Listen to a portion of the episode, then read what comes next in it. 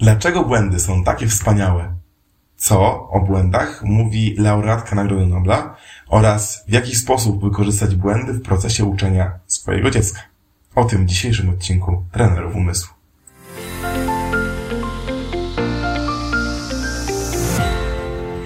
Dzień dobry, witam Cię bardzo serdecznie na naszym kanale w serii Trenerzy Umysłu, w miejscu, gdzie wraz z moim bratem uczymy, jak lepiej korzystać z potencjału umysłowego Twojego i Twojego dziecka, jak lepiej się uczyć, szybciej przetwarzać informacje, pamiętać na dłużej i umieć po prostu lepiej korzystać ze swojego mózgu. E, I robimy to dlatego, że sami skorzystaliśmy kiedyś z takiej wiedzy, informacji, wiele razy korzystaliśmy w praktyce e, z pewnych technik, z efektywnej nauki, e, z wiedzy naukowej, po to, aby łatwiej się uczyć i po to, aby później e, zdobywać wiele medali na Mistrzostwach Polski, czy Mistrzostwach Międzynarodowych, Mistrzostwach Świata w szybkim zapamiętywaniu. Od wielu lat prowadzimy kursy West Brain, nowy wymiar edukacji, w których właśnie pokazujemy, jak wspaniałym narzędziem jest to, co mamy w głowie, czyli nasz umysł. A nasz umysł często popełnia błędy, tak jak i my. Mówimy, że błądzić jest rzeczą ludzką. Dlatego dzisiaj odcinek znów o błędach. O błędach mówiliśmy już parę razy w różnym kontekście.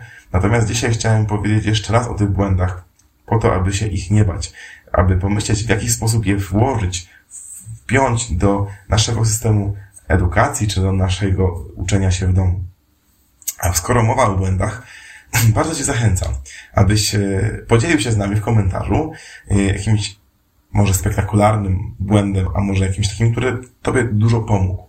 Jaki był błąd, który wywarł bardzo duży efekt e, w Twoim życiu i dał jakieś fajne rezultaty, bo błędy naprawdę są czymś, czymś wspaniałym, co będę chciał dzisiaj Tobie dowieść. Na początku, dlaczego w ogóle mówimy o błędach w kontekście nauki? Ponieważ błędy są rzeczą bardzo naturalną. Nawet jeżeli patrzymy na systemy komputerowe, które wydają się idealnie pracują, pracować, kiedy one nie pomylą się w, bezpośrednio w obliczeniach, bo są tak skonstruowane, aby, e, aby wiele rzeczy matematycznych dobrze przeliczać. Natomiast e, nawet systemy komputerowe, które wydają się bezbłędne i działają nam bardzo pomagając nam w naszym życiu, niekoniecznie są takie. Myślę, że wielokrotnie doświadczyłeś tego, że nawet w tych wspaniałych technologiach pojawiają się błędy. Ja jako informatyk z wykształcenia wiem, że e, nie ma czegoś takiego jak bezbłędne oprogramowanie. Mówi się, że oprogramowanie jest takie, w którym nie znaleźliśmy na razie błędu i dlatego może funkcjonować, ale błędy w nim na pewno są. To skoro w komputerach, które w sposób matematyczny radzą sobie bezbłędnie z dokonywaniem obliczeń, pojawiają się tam błędy, to o ileż bardziej w naszym organizmie, w naszym mózgu, który jest o wiele bardziej e, kreatywny i o wiele bardziej model, modelujący, tak? Może być wymodelowany przez różne ćwiczenia, doświadczenia, jest neuroplastyczny, e, gdzie ta logika nie jest zero-jedynkowa, o ile, o ile bardziej mogą się tam pojawić błędy. I te błędy są elementem naszej nauki. Te błędy są elementem naszego życia. Dlatego warto wiedzieć, że błąd jest czymś dobrym. Żeby błąd był czymś dobrym, trzeba oczywiście zdać sobie sprawę i myślę, że ty to już wiesz, że żeby błąd coś ci pomógł, musisz wiedzieć, że zrobiłeś błąd i wiedzieć, jak z tego błędu wyjść. E, natomiast e, sama procedura zrobienia błędu bez informacji, że to był błąd, spowoduje jedynie to, że będziesz cały czas powtarzał błędy, jeżeli nikt się z nich nie zweryfikuje, albo jeżeli sam siebie nie zweryfikujesz i nie poprawisz swojego błędu, to ten błąd będzie działał na twoją niekorzyść.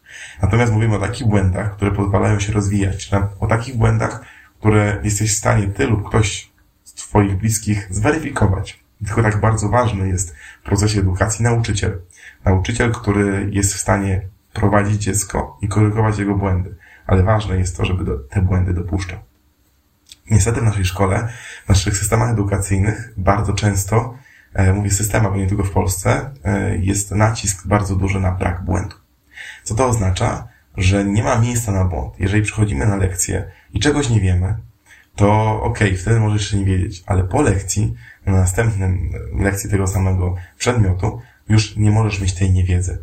Już musiałeś się nauczyć. Jeżeli powiesz coś złego, to jest błąd.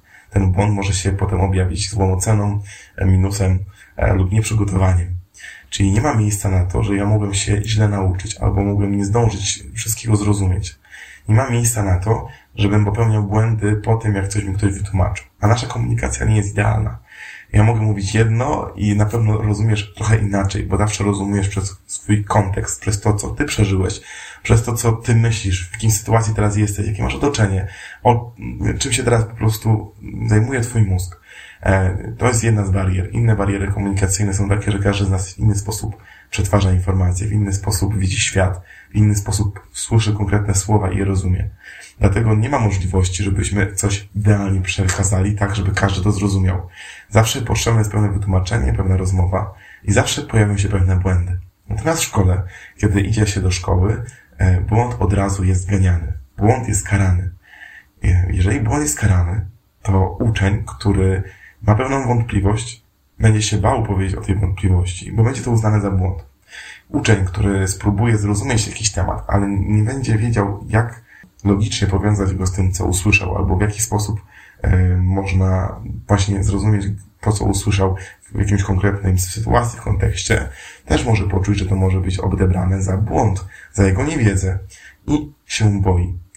Błędy, które są zawsze ganiane, powodują stres, powodują presję. Tak samo w domu. Kiedy dziecko się nauczy i idzie być przepytane, żeby być przepytany przez rodzica, to błąd, który zrobi, jest bardzo mocno zwykle ganiany.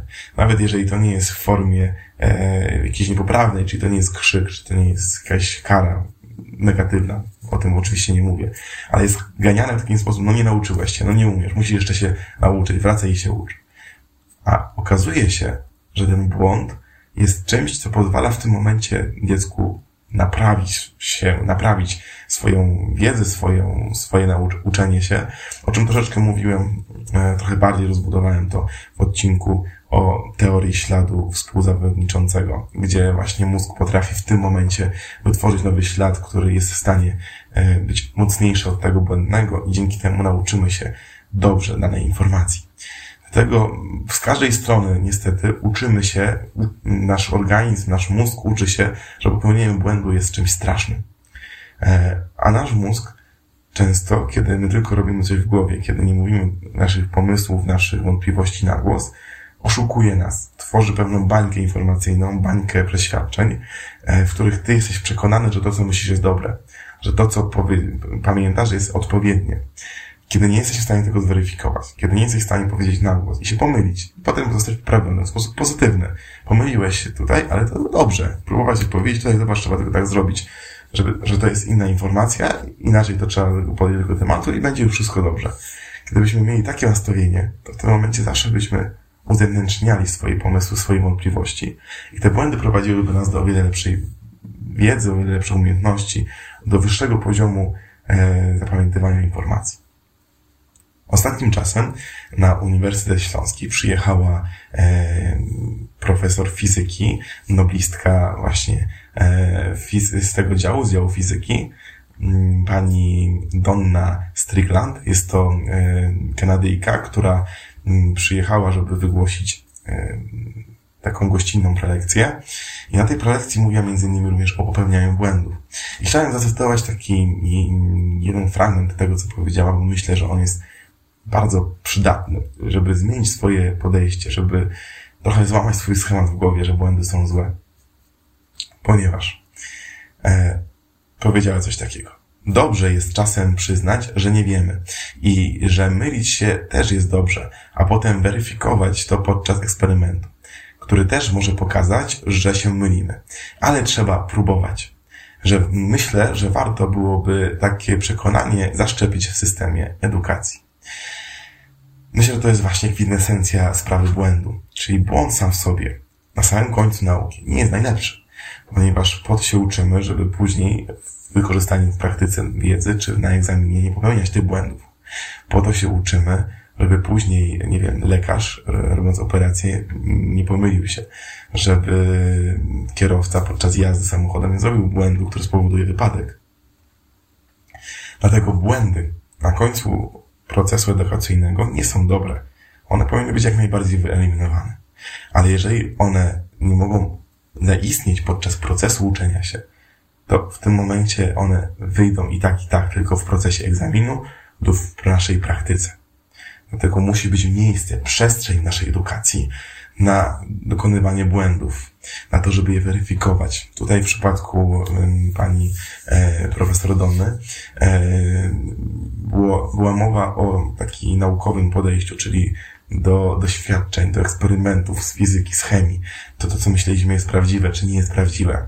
Natomiast w innych dziedzinach nauki tym błędem czasami jest po prostu opowiedzenie tego, co pamiętamy, albo ogłoszenie, opublikowanie naszego pomysłu w jakikolwiek sposób, czy to przyjacielowi, czy to rodzicowi, czy to na lekcji. Tak, żeby była ta przestrzeń, że ja mogę się pomylić. Ja wiem, że kiedy się pomylę, to nie zostanę na to zganiony, tylko że zostanę e, poinformowany, dostanę feedback, pozytywny feedback, e, co zrobiłem dobrze, co zrobiłem źle, co należy poprawić, który mnie też zmotywuje do dalszej pracy. Dlatego co warto zrobić z dzieckiem? W jaki sposób zrobić tą przestrzeń na pracę z dzieckiem, z jego błędem? Po pierwsze, e, trzeba zrobić taką przestrzeń, żeby dziecko mogło wypowiedzieć swoje wątpliwości. Nawet takie, które są totalnie dla nas bezsensowne. Nie warto ich ganić. Czyli na przykład kwestia, po co ja w ogóle mam się uczyć, skoro matematyki, skoro mam kalkulator? Albo po co ja mam się uczyć ładnie pisać, skoro mam komputer i drukarkę? E, takie pytania są bardzo, bardzo kreatywne i bardzo potrzebne, bo te pytania, jeżeli odpowiedź, dostanie dziecko odpowiedź, która go usatysfakcjonuje, zmotywują go do naszej pracy. Odpowiedź typu, bo tak trzeba, bo będziesz musiał przez kolejne 10 lat, 15 lat chodzić do szkoły, będzie dla ciebie mordęga, są na pewno złe. Są rzeczami, które zabierają motywację. Ale kiedy powiemy, tak, masz kalkulator, tylko, że czasami ten kalkulator nie zdążysz po niego sięgnąć, kiedy jesteś w sklepie, albo czasami będziesz szybszy w tym, że zrozumiesz, jak to działa, w jaki sposób działa pewna, pewna mechanika, nie wiem, będziesz kiedyś coś sprzedawać, będziesz coś kupować, będziesz płacić podatki, to będziesz rozumiał, skąd się to bierze, będziesz rozumiał, nie tylko wyliczał tylko twój, twój e, kalkulator, ale będziesz to rozumiał i będziesz mógł podjąć lepsze decyzje nie będzie podejmował dla ciebie decyzji kalkulator, tylko ty. Albo pismo odręczne nie zawsze się przyda. Natomiast to, że ćwiczysz tą rękę, pozwala ci po pierwsze, e, że twój mózg się ćwiczy, twoja koordynacja się ćwiczy, a po drugie, nie będziesz miał coś kiedyś podpisać, będziesz miał ładny podpis. A ten ładny podpis czasami jest bardzo dużo warty. Kiedy będziesz podpisywała coś pod dokumentem, podpisywał coś pod dokumentem, e, kiedy będziesz pisał jakiś ważny, szybki liścik do kogoś, kogo kochasz, kogoś zakochasz, to pismo ręczne zawsze będzie czymś pięknym. E, dwa przykłady najprostsze, ale te przykłady pokazują, że błędy, znaczy pytania są dobre. Błędy, które robi dziecko, kiedy mówi do nas o tym, co się nauczyło lub co ma się nauczyć lub co wymyśliło, to jest czas, w którym ono weryfikuje swoje myśli i weryfikuje swoją pamięć. O wiele więcej o tych błędach w kontekście uczenia i aktywnej powtórki właśnie napisałem w książce Efektywna nauka, aktywna powtórka, ale ona się opiera na tym fundamencie tego, żeby wydobyć z swojej pamięci wszystko, co wiem. Żeby wydobyć, żeby dziecko potrafiło, spróbowało, potrafić nie zawsze będzie od razu, ale spróbowało opowiedzieć rodzicowi wiedzę w taki sposób, jakby miało go nauczyć, albo w taki sposób, jakby miało odpowiedzieć na lekcji, żeby wszystkie błędy, które ewentualnie mogłyby wyjść później podczas kartkówki, sprawdzianu egzaminu na lekcji w szkole, wyszły teraz podczas rozmowy z rodzicem. I podczas tej rozmowy mm, mogą być dwie, dwie drogi oczywiście, w zależności od tego, w jaki sposób dziecko funkcjonuje. Rodzic o tym wie. Czy dziecko dobrze reaguje na to, jak mu się przerwie podczas wypowiedzi, czy lepiej, żeby mu powiedzieć na końcu. E, więc y, albo podczas wypowiedzi można przerwać i mówić super, bardzo dobrze mówisz, tutaj popraw się, bo tutaj jest ta i ta informacja, tutaj tego zapomniałeś, idziemy dalej. E, albo na końcu zrobić takie podsumowanie. Super, to powiedziałeś dobrze, to powiedziałeś dobrze, to powiedziałeś źle, to trzeba poprawić na to, to powiedziałeś dobrze, ale generalnie masz świetny ogląd sytuacji. Dzięki temu dziecko po pierwsze wie, że jest docenione, po drugie widzi, że jego wysiłek miał sens, ponieważ się nauczyło, po trzecie widzi, że podchodzisz do niego bardzo e, dorośle. Dziecko potrzebuje zobaczyć, że jest osobą, że jest traktowany poważnie, że błędy, które zrobiło, robi te błędy, ale te błędy nie są czymś tragicznym, ale są czymś, co ma poprawić. E, I poprawi te błędy, ponieważ mózg od razu, kiedy widzi, że zrobił błąd, chce go poprawić. To jest te kilka wskazówek, które myślę, że mogą pomóc głównie zmienić Twoje podejście do błędów, bo błędy naprawdę są bardzo pomocne i głównie chodzi o to, żebyś zmienił swoje podejście do tych błędów, w kontekście swojego dziecka, ale też w kontekście swoich pracy, z wyszukaniu nowych, nie wiem, dróg życiowych, rozwiązań.